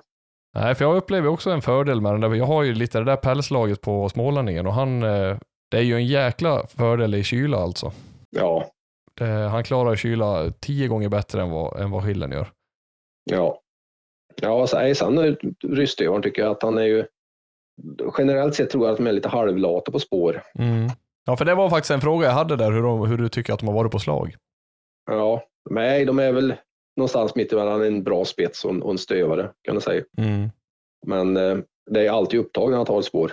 Och det är ju inte, det är ju inte, han, tar ju inte så, han är inte så lat så att det inte knappt går att de måste nästan släppa på synhopp såklart. Utan, men eh, gamla vargspår till exempel, det, det, det, kan vara, det kan vara hur gammalt som helst han tar dem. Ja. Det är inte alltid det blir upptag, men det, det är ju för att han, han tycker om att jaga varg. Men som rävhund har han, så duger han helt klart. Jag vet ju, han, han ratar i spår som någon av foxhundarna kanske skulle ta, men det blir ändå inga upptag. Mm. Och då, då, då, då, ser jag inte som ett jätteproblem om man skiter i spår som man tycker att nej, det här är ingen idé. Nej, precis. det är en rolig ras faktiskt. Jag skulle sätta mig in lite mer i dem och höra med mer folk som har rystövare för jag skulle faktiskt vilja ha en någon gång framöver. Mm. Hur tycker du att eh, ståndegenskaperna varit på, ja, men på Vargas till exempel? Ja, ja, det är bra. Det är nästan lite bättre än vad det kan vara på vanligt ståndskalp med stövare. Är ju, det är ju inte så bra som en spets. Nej, nej. Ja, lite bättre än stövare, normal stövare kan man säga. Mm. Men är inte fullt så bra som en spets då kanske. Lite tätare på skalle och stå lite närmare. Ja, men det är ju egentligen en, det är ju en halv, ja det är ju hälften Laika i en rystövare så det är väl lite, det är väl en halvstövare nästan. Ja. Eller 50 procent borsoj är det väl i, och, och Laika. Så det är väl ingen stövare i han egentligen överhuvudtaget. Men, Nej, för jag tycker man ser inte supermycket rystövare nu för tiden. Det var ju, en liten, det var ju som en fluga ett tag att eh, alla skulle ha rystövare. Jo, men jag tror jag nog var när Rasmus hade den där Helga som funkar bra. Då var det nog en liten uppsving tror jag. Ja. Du, jag har en, eh, en till fråga här. Eller jag, jag har ett till ämne som vi ska prata på. Det har dragit ut lite på tiden, men vi ska runda av strax. Däremot så tänkte jag höra det här med registrerade björnåtlar. Har du någon registrerad björnåtel? Nej, jag har inte. Jag har ju hört att det ska vara, eller jag vet att det är väldigt svårt att få, för det är hårda kriterier. Jaha, okej. Har det blivit det nu då liksom eller? Eh, att det är hårda regler? Ja, Nej, det har nog inte blivit någon skillnad på, på just den biten, att det har blivit något hårdare, det tror jag inte. Men däremot så har vi väldigt mycket leder och, och vi har ju lite svårare här omkring att komma till den platsen där det inte är bebyggelse då inom två kilometer till exempel. Eller, ja. ja, ja, det kanske kan vara en bidragande orsak. Men annars så, här uppe så de som jag vet har haft registrerade åtlar, det har ju, nej det har inte varit några som helst problem. Då har de väl hittat någon lämplig plats och så har de ju ringt och så har det kommit ut någon från Länsstyrelsen och besiktat den där åteln. Mm. Ja, nej, jag vet inte om det är något svårt eh, just att ha med Länsstyrelsen att göra i sammanhanget. Det tror jag inte. Däremot så är det mer svårt att, hitta en plats att eh, faktiskt kunna ha den på. Ja, okej. Ja, så kan det nog vara kanske. Eh, Jag pratade med Fredrik här från, från Länsstyrelsen Dalarna också. Han sa det att han kollade ju på ja, hela sin mark och det fanns ju inte en enda plats. Så att han ju bemödade sig inte att ansöka ens. Jaha, Och jag har sett och kollat ganska slaviskt på, på mina marker också. Jag, jag, eventuellt så har jag en plats som kan gå. ja. Men det är ju så. Det är nog... köpa upp den, den, kåken som ligger närmast. Då. ja, precis. Man får göra det. Men det är allt någon, någon sån där, eh, några små hu- byar och någon, någon stuga och sådär.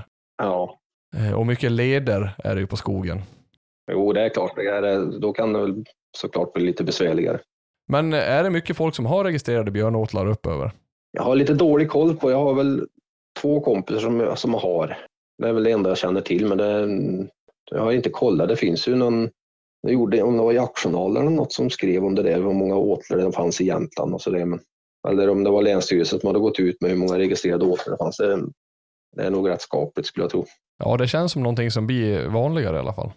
Ja, sen vet jag inte nu då hur det blir till hösten om det skulle bli lov att släppa hund på åtel till exempel. Då. Ja, det, som jag förstod det så var väl det beslutet taget. Nu ska jag säga, inte säga att det är så, men som jag förstod det så skulle det beslutet vara taget att eh, man får släppa från registrerade björnåtlar.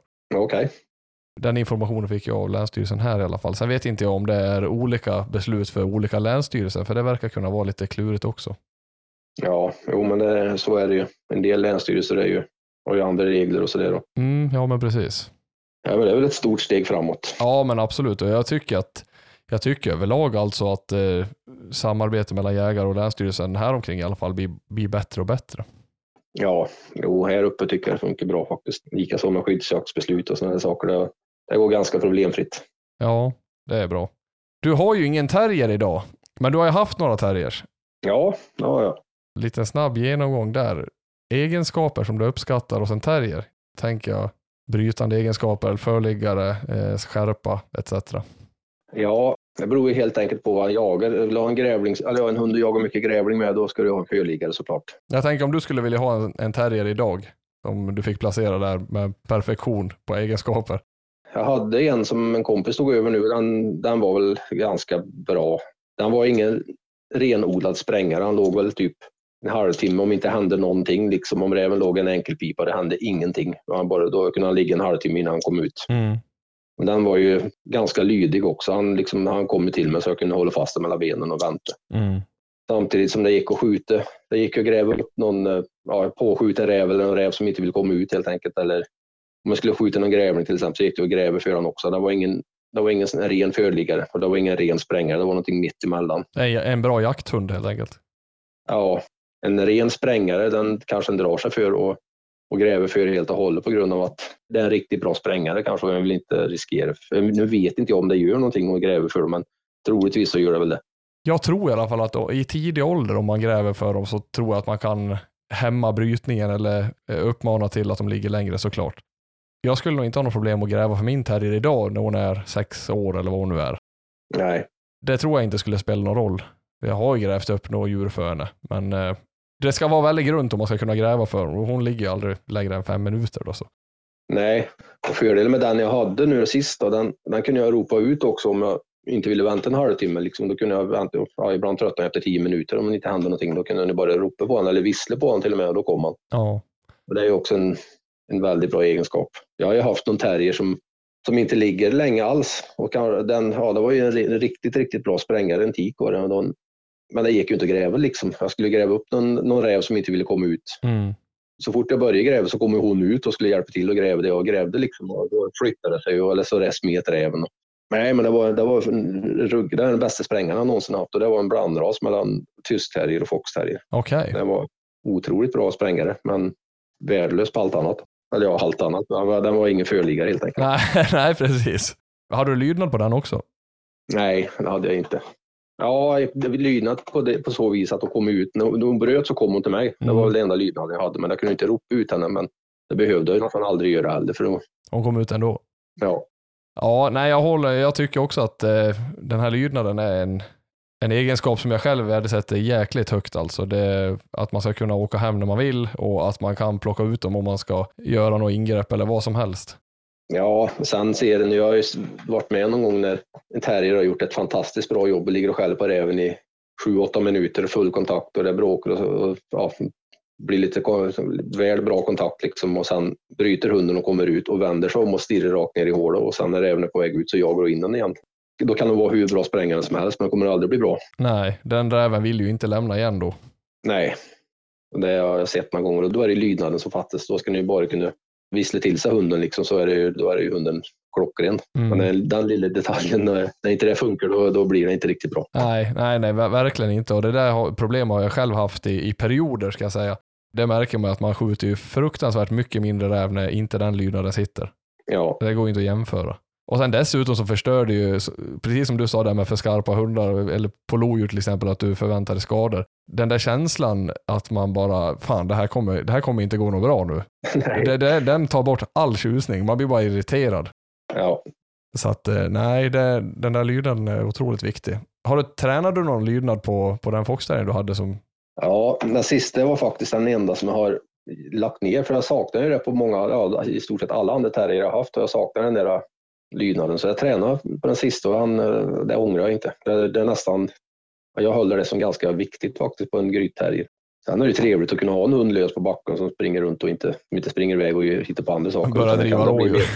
Ja, eller jag kan typ ha dem lös fram till gryten och sådär. då. Ja, nej, det är, det är jäkligt skönt där. Och jag vet ju, som det där problemet hade jag med tysken till exempel. Hon kunde ju, om jag släppte henne på ett gryt, eller vi var bara ute och kollade gryt, tomkolla till exempel. Det gjorde vi mycket förr. Ja, var det tomt då kunde hon stoppa ner näsan, sen drog ju hon, sen drev ju hon ett rådjur en timme. Ja, en annan grej som man måste berätta, det var ju en tysk terrier jag. Den, han sprängde ju räven då. Så sköt jag bom. Och så hann jag inte ta terriern så han fortsatte efter. Utan pejl och Mm. såklart. Ja, släpper stövan. Och då går det ju till nästa gryt då, som bara låg några hundra meter längre bort. Skynde mig dit. När jag kommer dit så står ju stövaren och gräver i, i grytöppningen. Och så ser jag räven flyr i nästa grytöppning och det ser ju inte stövaren. Och efter terriern och efter stövaren. Och så där höll det på. Sex gryt Men jäklar. innan han kröp in under en liten lada. Då fick jag gå in och, och bryta upp en golvbräda och, skj- av, av, och skjuta räv. Jag höll på att bli, ja, jag vet inte vad jag skulle göra. Jag vet inte hur många gånger. Då. En gång så grytan ju, ja, näst sista grytet tror jag då, då grytan under en lada igen. Då släppte jag stövaren. Så jag tänkte, då kommer den att springa runt, för då kunde jag ju bara passa en sida och så på andra sidan så var det ju, ja, det, jag var ju själv liksom. Mm. Och låg ju där under och jagade runt den här räven och släppte jag stövaren. Och då stövaren han springer ju in i ladan och börjar ju gräva i golvplankorna där han gör terriern. Så räven smet ju igen såklart. Ja, Sex, sex gryt innan jag fick honom. åh jäklar. Och det var tack vare att helgen inte gjorde vad han skulle. Ja, ja Ja, visst. och så jag sköt bom också då såklart. Ja, du, du fick i alla fall dra iväg någon smäll efter den. Ja, Ja, det var en händelse jag kommer att minnas. ja det förstår jag. Det där är ju ett sätt att, att få en stövare att lära sig grytmarkera i alla fall. Ja, jo. De blir ju bra. Ju sämre skjuter, ju bättre hunden får den. Ja, nu som du jagar inte lika mycket räv längre, men ha- har du uppmuntrat hård grytmarkering på hundarna? Ja, jag tycker, jag, jag tycker om grytmarkering och värderar det väldigt högt faktiskt. Mm. Det är väl inte den nödvändigaste egentligen, men jag, tyck, jag tycker det är bra. Mm. Jag har haft bättre, ja, en del av hundarna har grytmarkerare tillräckligt bra, som den äldsta Foxen till exempel, han grytmarkerar ju hur många timmar som helst. Han, Mm. han står ju och väntar på mig, han, kan, han står ute och gräver och tokgräver, han, han vet ju bara att väntar jag så kommer husse snart. Mm. Men han står inte helt manisk och gräver sig in i... Nej, det gör han ju, men sen tröttnar han ju till slut då, liksom, och, och till slut så övergår det ju bara i en väntan på att jag ska komma dit. Ja. Nej, så grytmarkering tycker jag, det, det värderar jag högt. Jag, jag vill ju också att hundarna ska, man ska veta vart grytorna är såklart. Men däremot så tycker jag att har man hundar som grytmarkerar otroligt hårt så, så blir rävarna svåra att få ut också. Ja, det ligger nog mycket i det. Det upplever jag i alla fall. Och sen, sen beror ju det lite på också. Ibland kan man ju ha, som, som Eskil till exempel, han kryper gärna in, smålänningen. Och det kan ju bli ett jäkla skit då, eh, om man fastnar, som man faktiskt har gjort. Ja, Men däremot så ibland när han har krypt in så kan ju även den räven sticka i vid första brytningen också. Eller att en, Ja. en terrier kommer in och skjuter på han. För terriern kommer in där inte stövaren kommer in. Att det även blir lite paff att åh jävlar nu kom de in här så att nu, ja, nu tar jag chansen och drar.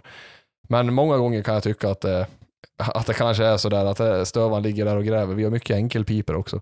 Och liksom kommer närmare och närmare och närmare den här blindgången och sen eh, är även som bara i ren panik där inne. Och det kan vara fan ibland att få ut dem alltså. ja.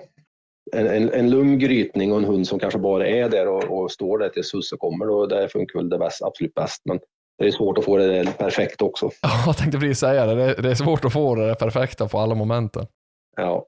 Men sen som när den jagar in en ungstövare till exempel, då, som är, säg att han börjar jaga när han är ett halvår kanske, eller åtta, tio månader, eller ett år eller vad det nu är. Sen släpper den där hunden på ett spår och så spårar han kanske några hundra meter eller 500 meter eller någonting och så blir han still på ett litet ställe. Då tror den ju, ja det är kanske ett gryt där och så går den dit. Nej, det är ju ingenting här. Och så fortsatt. Det där är ju, tycker jag är jättejobbigt ibland faktiskt med en ung hund som en inte vet, eller ja, de kanske inte grytmarkerar från första början heller såklart, men Nej. innan de, innan de överhuvudtaget har lärt sig att jaga. Men det, det kan bli rätt många mil i skogen när den får gå under. En, en, en tror ju, ja men han ligger nog redan inne kanske. Eller, Ja, jag håller helt med där. Det där är fruktansvärt faktiskt. ja, Jag, alltså det är riktigt fruktansvärt och framförallt då om man har en stövare som inte kommer tillbaka i bakspåret när den ja, tappar spåret eller att det grytar då. Ja nej, det, det- gör de ju såklart inte utan de bara velar på och så tror de, ja men han- då har de ju, han har gått till gryt och så sticker han iväg och hittar på något annat. Ja, precis. Och så kanske man får ett rådjursdrev på det och då tror, tänker man att jaha, men räven, eh, ja då har han tagit upp räven och sen har man, står man och passar på ett rådjursdrev helt plötsligt fast, och räven Ja. ligger i gryt någon annanstans, man har ingen aning. Nej, det, det är det. Det är en jobbig period. Ja, det är en jävligt jobbig period. Jag hade rätt otroliga problem med det där med, med skillen. Just också för att han var så jävla hårdskälld så han kunde ju skälla, sen vart det ett skalluppehåll och då var det så här, ja nu kan det ha grytat, för han fortsatte ju bara i, i princip samma, han kunde slå en ring eller någonting, eller så fortsatte han bara i precis samma tempo. Ja, men då är det omöjligt. Ja visst, det är helt omöjligt, så det tog ganska många uppgrävda rävar innan han, innan han började förstå och, och faktiskt bli kvar riktigt på grytorna. Det var nog en gång där han, ja under parningen var det, då, då grytade han ju en räv i, i en kolbotten faktiskt. Och den räven skulle jag kunna tro att det var en hane, det var alldeles innan parningen var det, jag skulle kunna tro att det där var en hane som vart utjagad av en tik, som inte fick vara kvar i grytet, så den stack ju då. Och då såg han väl det, för det, det var ju, hände ju ganska omgående, så det vart ju drev där igen. Och bara som en båge på 500 meter, sen gick det ner i det där grytet igen. Ja, Sen stack den ytterligare en gång och gick ner i det där grytet ytterligare en gång. Och när vi sköt den så, ja då den tog sig en bit och så vart det ståndskall på den dessutom. Och efter det så, då, då föll det på plats. Jag har ju en, en fem, fem år han, och den, han grytmarkerar om man känner bra. Om, man är liksom, om det är klippgryt eller ett grunt gryt, då, då brukar han vara kvar. Mm. Men annars så lämnar han. Men han kommer faktiskt i bakspåren tillbaka. Så då, jag kan leva med det, men jag är inte, inte helt nöjd. Jag vill att han ska vara kvar oavsett. Men eh, det funkar gör det ju. Ja, jag kan tycka att, eh, nu har jag ingen som gör på det viset egentligen, utan då, då står vi kvar tills jag kommer båda två. Men Jag kan tycka att det där hade varit jäkligt skönt vissa gånger om man vet att det är ett sånt riktigt styggryt eh, uppe på någon berg och det är mycket snö och så vet man att fan, jag måste upp dit två kilometer eller en och en halv Ja. till det där jävla grytet och hämta den där hunden helt i onödan. Det var faktiskt lite praktiskt då, för jag använde ju han ganska mycket på, på järv, licensjakten nu som var i vinter. Mm. Och då jagade jag, mycket- då var jag uppe till fjälls. Han hade varit i drev och där for rakt upp på fjället och det är ju väglöst land liksom. Och sen ner i en brant fjälluta där så var det stopp och då förstod jag att det finns ju inte, det finns ju inget trä, han har trä i där, han har kröp in. Mm. Och då var han ju där och ringade runt lite grann och så vände han och kom tillbaka. Och jag vet ju att när han, då har han ingen bra kontakt och då vet jag då är det ingen, då är det ingen idé att gå dit ens för kommer inte få den där järven oavsett. Mm. Då, då var jag faktiskt, så tyckte det var jävligt praktiskt med att han inte stannade. Jag var Ja, tvungen att gå och hämta honom för då hade slä- säkert släpat med sig lite grejer för att se om jag skulle kunna komma ut och skjuta järven där. Men ja, i det onödan. var, ju- det var väldigt långt att gå. Så jag var rätt nöjd med att han kom tillbaka. Ja, jo, men precis. Och de där situationerna kan det vara jäkligt skönt att ha en sån hund. Men den hunden, stannar han vid träd då? Ja, han skäller träd han. Men just grytmarkering, då ska han, ha, då ska han känna. Det är det som är lite märkligt med honom. Jag vet inte vad det sitter i riktigt. Men har han bra kontakt eller att det är klippgryt eller ett grunt och då, då stannar han. Men, men Mm. träd är inga problem. Den hunden, är han även eh, envis på slag? Alltså att han tar lite äldre slag? Ja, Då är det ju inte att, han är bara, att det är bekvämt heller då. nej, jag vet inte. Vad fan, det är, lite märkligt är det faktiskt. För det är ingen av de andra hundarna är så där, utan det är bara han som är sån. Mm. De har väl lite olika egenskaper, så ibland så jag får ju, ja, jag använder olika hundar för olika förutsättningar. Ja, det där är lite intressant också. Eller intressant, det är ju lite roligt att höra också för att folk som jagar mycket och folk som jagar mycket med sina hundar, man, man lär ju känna sina hundar och så jagar man dem ju ut efter olika förutsättningar.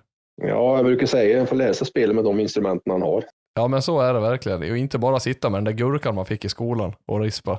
Den gör så så får- ger den ju hundarna, hundarna får ju liksom, ja, de får ju bli bra på det de är bra på helt enkelt. Mm, precis. Man använder ju det där, men man kan ju även hemma, de blir ju aldrig att utvecklas på, sin, på de här andra planen som nå- någon annan hund är bra på. För det får de ju sällan de chanserna för. När man väl har lärt känna dem och de börjar komma upp lite.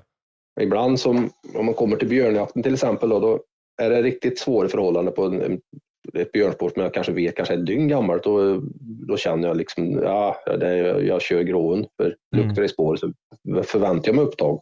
Men det har faktiskt hänt någon gång att, som jag vet i höstas till exempel, det var efter att tilldelningen var fylld så skulle jag åka ut och fick jag se en, bj- en björn. Då jag varit ute dagen innan och jagat på någon räv med ungstövare eller vad jag hade gjort. Och dagen efter så skulle jag åka på samma mark igen och fick jag se en björnskit som låg i vägen. Jag tänkte, fan, såg inte den här igår? Så jag gick ut och tittade. Jävla skiten. Och så såg jag att han var ju väldigt, väldigt gammal. Mm. Han såg riktigt gammal ut. Jag tänkte, men jag åkte här igår, då borde jag ha sett den här skiten. Så att han ser nog bara gammal ut, men han måste ju vara sen i natt, tänkte jag. Mm. Och björnskiter i vägen, det är ju, det är ju oftast en misslyckas med dem på grund av att det är lite trafik på någon väg och sådär och sämre vittring och allt vad det nu är. Mm. Då hade jag Hirmo med och eh, den yngste stövaren. Äh, jag fortsatte några hundra meter till. Jag hade en slakgrop där så skulle jag släppa, släppa Hirmo tänkte jag så han skulle få se om han ja, jagar. Och han tog ju vägen ner tillbaka förbi den där björnskiten. Och två, tre kilometer efter vägen vek han av ut på någon myr och fortsatte. Så jag for efter och tittade lite grann så kollade jag. Då var det ju björnspår ut på myren. Då var det ju den, den björnskiten som han, han spårade ju den björnen. Det var ju upptag på den så det var ju och jag hade ju aldrig, det kunde jag inte drömma om för jag tänkte jag var nästan lite sugen på att åka hem och hämta gråen så jag skulle få en liten björnjakt i alla fall. Ja, ja, precis. Men det där fixade han galant. Liksom. Det hade jag haft gråen med det där så hade jag inte släppt Firmo. Nej. Men det fixade han ju klockrent. Så det var... Ibland blir jag riktigt positivt överraskad också. Ja, och då, de gångerna är ju roligast.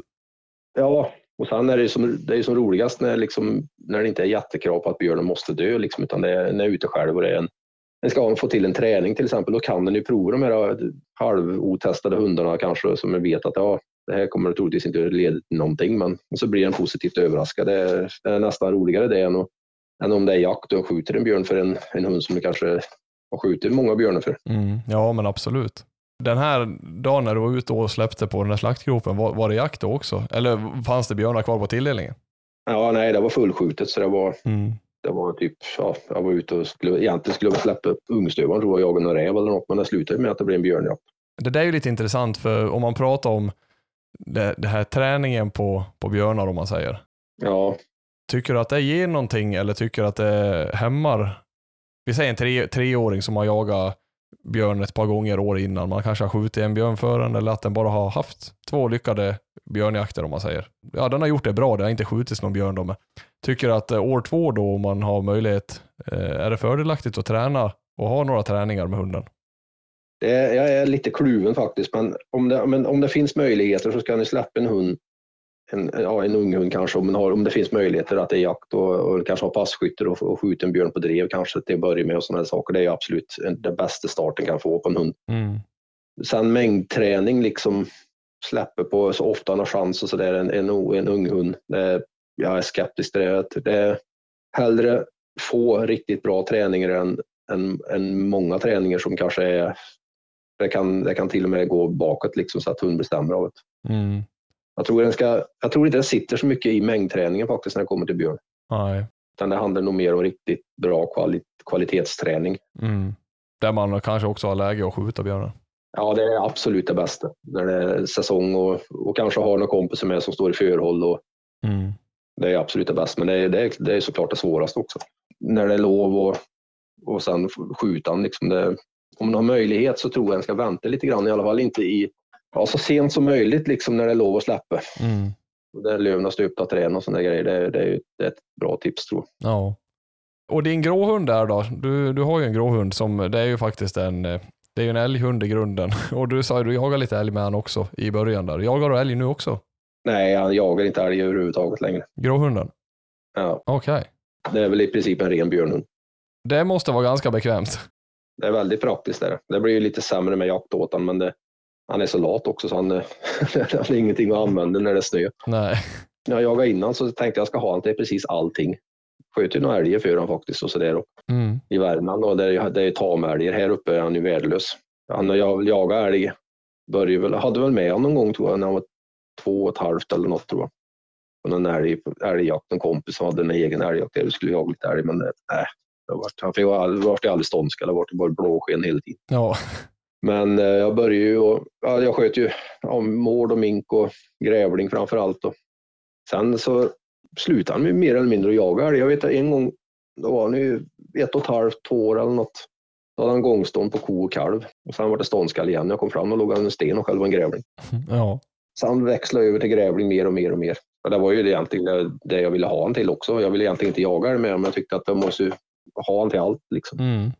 Det löste sig bra. Och sen, men jagar han mycket grävling nu också om du släpper? Ja, och nu är det ju väldigt klent med grävling här. Det finns ju några stycken, det gör det ju. Men Ja. grävling tycker han om. Mård tycker han är roligt. Är han bra på att trämarkera då? Ja, det gör han. Mm. För det brukar ändå spetsarna vara lite nischade på. Ja, han är faktiskt ganska bra på att markera där. Även om mården har tagit dagliga till exempel någon timme in i ett trä och sådär, då, då funkar han bra. Mm. Även om man, har- jag vet en gång i höstas här då var jag ute och gick med han typ, hade en lös bara så vi gick och strosade runt och kom hit till en gammal fäbodvall där och då började han ju skälla. Då låg det en mård uppe under taket där på den fäbodvallen där som vi sköt slut. Ja jäklar. Och det var ju typ tre, fyra på eftermiddagen och sådär. Så det, nej, han är, det funkar bra. Mm. Jag tror att vi ska runda av den här podden, för nu har vi pratat i två timmar här. Ja, men det räcker väl. Ja, ja men visst. Eh, Vi har mycket att prata om. Tusen tack för att du medverkade i podden. Jajamän, det var trevligt att prata. Jajamän, ha det så fint. Detsamma. Hej. Tack, hej. Återigen tusen tack för att ni har lyssnat på podden. Hoppas ni gillade även detta avsnitt. Om det är något speciellt som ni vill att vi tar upp i de olika avsnitten, var då inte blyg att skicka iväg ett meddelande om önskemål. Tack för mig, så hörs vi i nästa veckas podd.